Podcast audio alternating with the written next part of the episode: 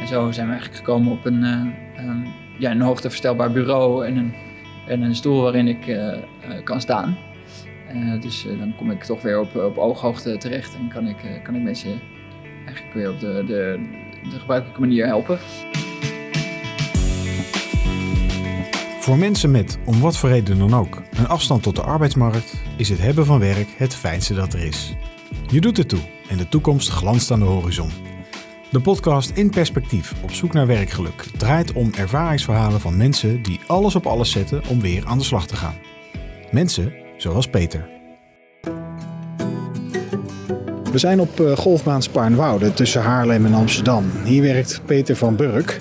Peter denkt in 2021 op een mooie dag een verfrissende duik in het ei te nemen.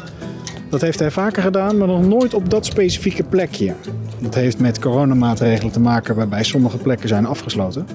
En daarom heeft Peter geen flauw benul dat de plek waar hij het water in springt geen 6 meter diepte heeft, maar anderhalve meter. Het tragische gevolg? Een dwarslesie en een leven in een rolstoel. Peter, waar zijn we hier nu? we zijn op uh, golfbaan Sparmoude. Uh, dit is uh, mijn werkplek. Hoe groot is deze, deze, deze golfbaan en deze club? Dit is de, de 54 holes, dus 9, 9 holes, maar dan daar 6 lussen van. En die zijn allemaal met elkaar te combineren. Dus ook voor beginners zijn er drie, drie keer 9 holes. Wel onder de rook van Schiphol, dat, dat dan weer wel. Wat, wat, wat is jouw hoofdtaak hier? mijn hoofdtaak hier is, ik ben gastheer eigenlijk. Dus de mensen die uh, komen hier spelen en die moeten hier zo'n ja, goed mogelijke tijd hebben. Dus ik probeer dat op, op allerlei manieren ervoor te zorgen dat zij hier plezier kunnen gaan maken. Peter van Burk heeft tot de zomer van 2021 een rijk leven. Hij werkt op golfbaan Spaarnwoude, heeft ook nog een bijbaantje als chauffeur bij de huisartsenpost en als tuinier. Hij heeft geen studies gedaan. Hij was, zoals hij zelf zegt, niet geschikt voor studeren. Na de HAVO liep hij vast in meerdere studies. En er kwam na onderzoek een diagnose autisme met ADHD uitrollen.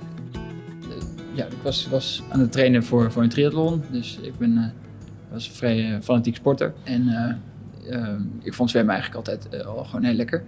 Maar was er ook steeds beter in aan het worden. Dus dat combineerde ik met, met een, na een, werkdag hier op de golfbaan naar, naar huis gefietst en mijn hardloopschoenen aangetrokken. En het water ingedoken op een plek in die waar ik al eh, eerder was geweest.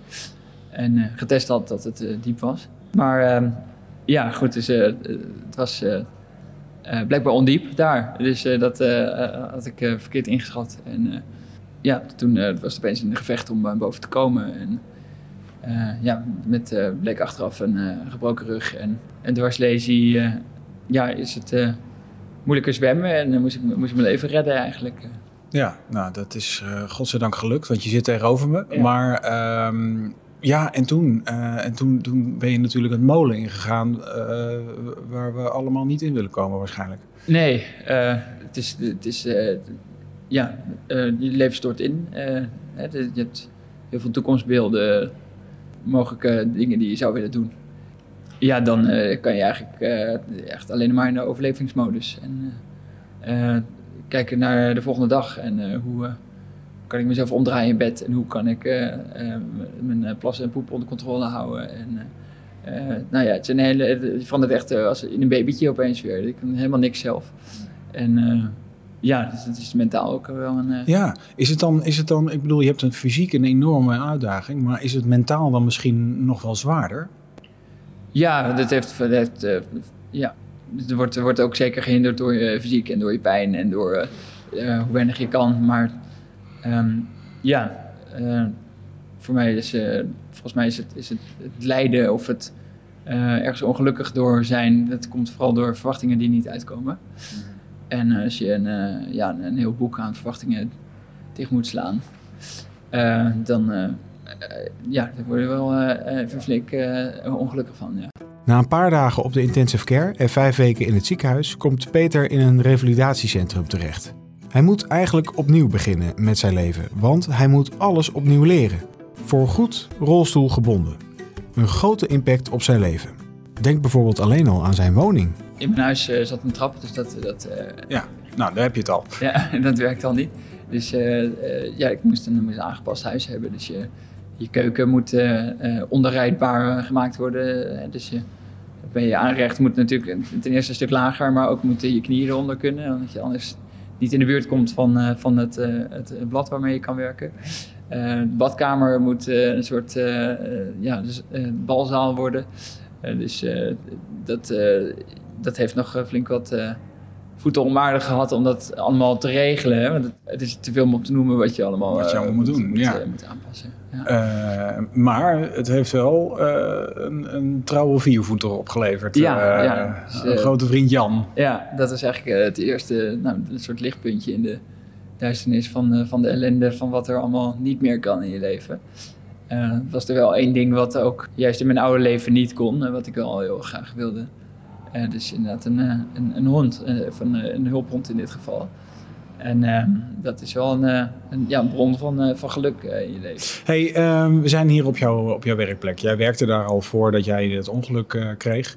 Hoe is jouw werkgever met deze situatie omgegaan en hoe ben jij zelf daarmee omgegaan? ja, dat het gewoon hartverwarmend gereageerd heeft op, op mijn ongeluk. En ik begreep ook dat, dat de mensen hier toen het nieuws kregen ook nou, in tranen waren. En eh, ja, dan doet het toch wel veel op het moment dat ze zo eh, hun best doen om eh, ervoor te zorgen dat je weer wat, wat kan beginnen in je leven. Op het moment dat jij weer klaar was om te gaan werken, kon jij hier ook direct weer aan het werk? Of moest hier ook van alles en nog wat aangepast worden? Of is jouw rol misschien ook anders geworden?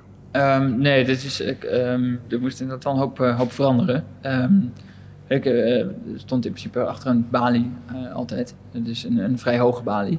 Waar ik nu net met mijn, eh, met mijn kale kruin bovenuit eh, steek. Maar eigenlijk eh, kan mensen niet meer aankijken. Ik kan niet meer goed bij de computer. En, dus er moest, moest flink wat aangepast, inderdaad. En dus hier gezeten met, met een arbeidsdeskundige van het UWV. En zo zijn we eigenlijk gekomen op een, eh, ehm, ja, een hoogteverstelbaar bureau en een, en een stoel waarin ik kan staan. Dus dan kom ik toch weer op, op ooghoogte terecht en kan ik, kan ik mensen eigenlijk weer op de, de, de gebruikelijke manier helpen. Toch dat jij weer, als het ware, wel weer aan het... Ja, je bent weer aan het werk. Je bent weer, eh, wat dat betreft, toch weer actief. Is dat toch ook... Heeft dat ook iets positiefs? Ben je daar toch ook wel weer blij mee? Dat je Ja. op, op, op, op deze manier wel weer functioneert? Ja, nee, dat is, dat is eh, voor mij eh, inderdaad heel belangrijk, ja. Ja, dus eh, ik ehm, eh, vind ja, ik heb eerder in mijn leven ook al meegemaakt hoe belangrijk het is om een, een, ja, iets te doen te hebben eh, de hele dag. Hè. Dus eh, eigenlijk eh, inderdaad werken eh, is niet altijd leuk, maar het, is, het geeft toch een goed gevoel om je eigen centen te verdienen. En ehm, ja, ook vrije tijd is een stuk leuker als je ook onvrije tijd hebt. Ja, ik vind het toch wel heel belangrijk om... niet in je huis vast te roesten. Heb jij, eh, want je hebt ook natuurlijk contact gehad met UWV. Eh, hoe is dat voor jou geweest? Zijn zij, eh, hebben ze jou gesnapt in jouw wensen naar, werk, naar, naar, naar weer opnieuw gaan werken toe, et cetera? Ja, toen zij hoorden dat ik wel ontzettend gemotiveerd was om weer iets van mijn leven te maken en aan de slag te gaan en ook iets met werk te doen, ehm, gaf ze ook aan van ja, dit is eigenlijk precies het soort mensen eh, wat wij eh, in, in deze afdeling graag willen helpen, hè, waar we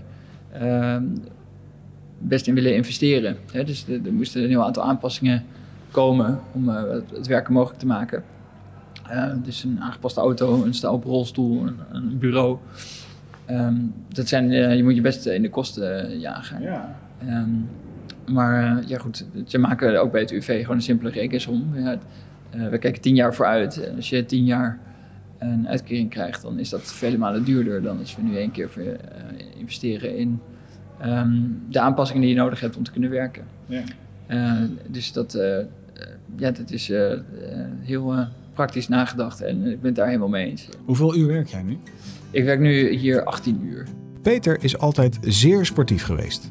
Hij is ook altijd een goede golfer geweest. Dus ook al heeft hij het erg naar zijn zin op de golfbaan, mentaal is het soms best zwaar om in zo'n sportieve omgeving te zijn, zegt hij. Peter gaat ons voor in de drukte van de golfbaan. Trouwe Jan wijkt niet van zijn zijde. Peter gaat zijn werkplek laten zien. In de golfshop is een op hoogte verstelbare balie gerealiseerd. Best een groot shop. Ja. Verkoop je nog wel eens wat of niet? Ja, elke dag. Ja? Oh, kijk.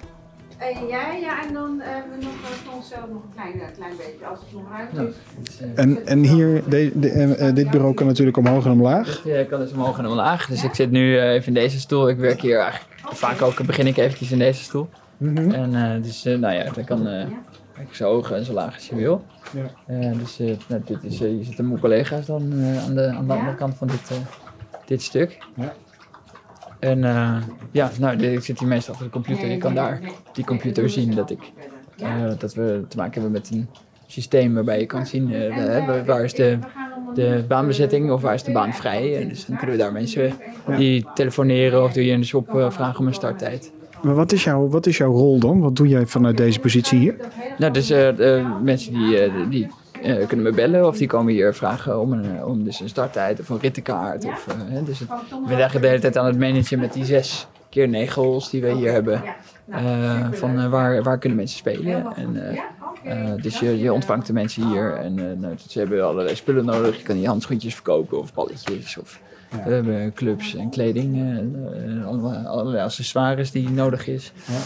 En is dat dan eigenlijk een, eh, zeg maar een online planning die jij bijhoudt? Of is dat echt inderdaad dat mensen eh, zomaar voor je neus kunnen staan van eh, ik kom even golven, is er ruimte voor me? Ja, dat, dat kan allebei. En is dit jouw plek of ben je ook nog wel eens buiten te vinden?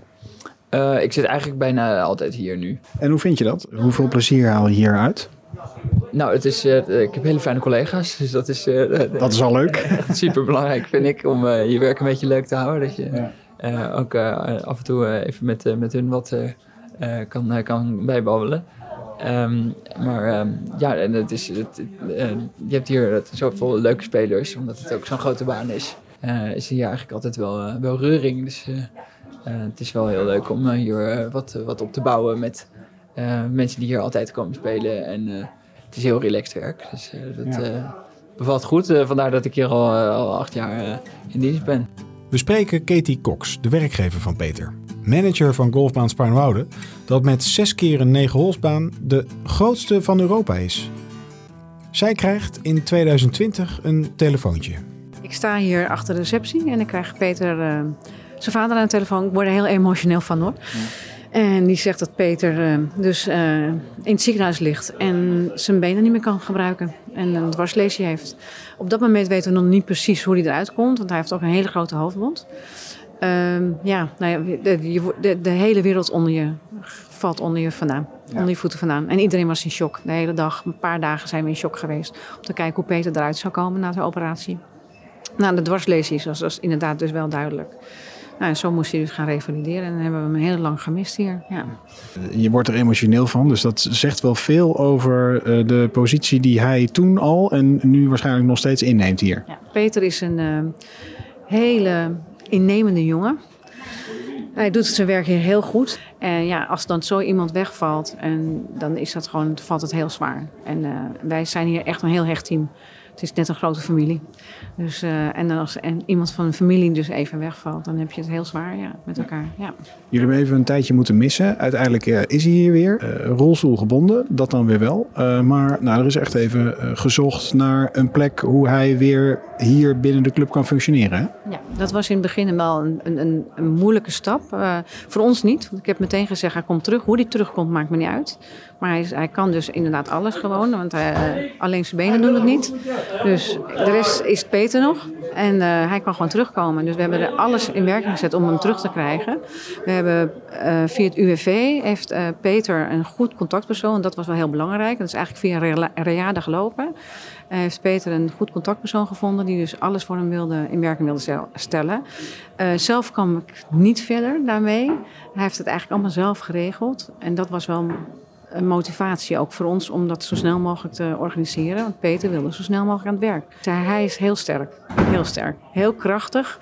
En wat hij wil, dat gebeurt er ook. Dus, eh, en dat, ja, dat, maakt hem ook eh, Peter. Dus, eh, en zo konden we het toch realiseren, heel snel. Wij hebben gewoon elke keer tijd genomen om te kijken of het wel lukte. Ja nee, we zouden eerst de hele balie aanpassen. Dat was ons eerste idee, dat hij achter de balie zou komen. Maar dat werd gewoon met die stoel moeilijker.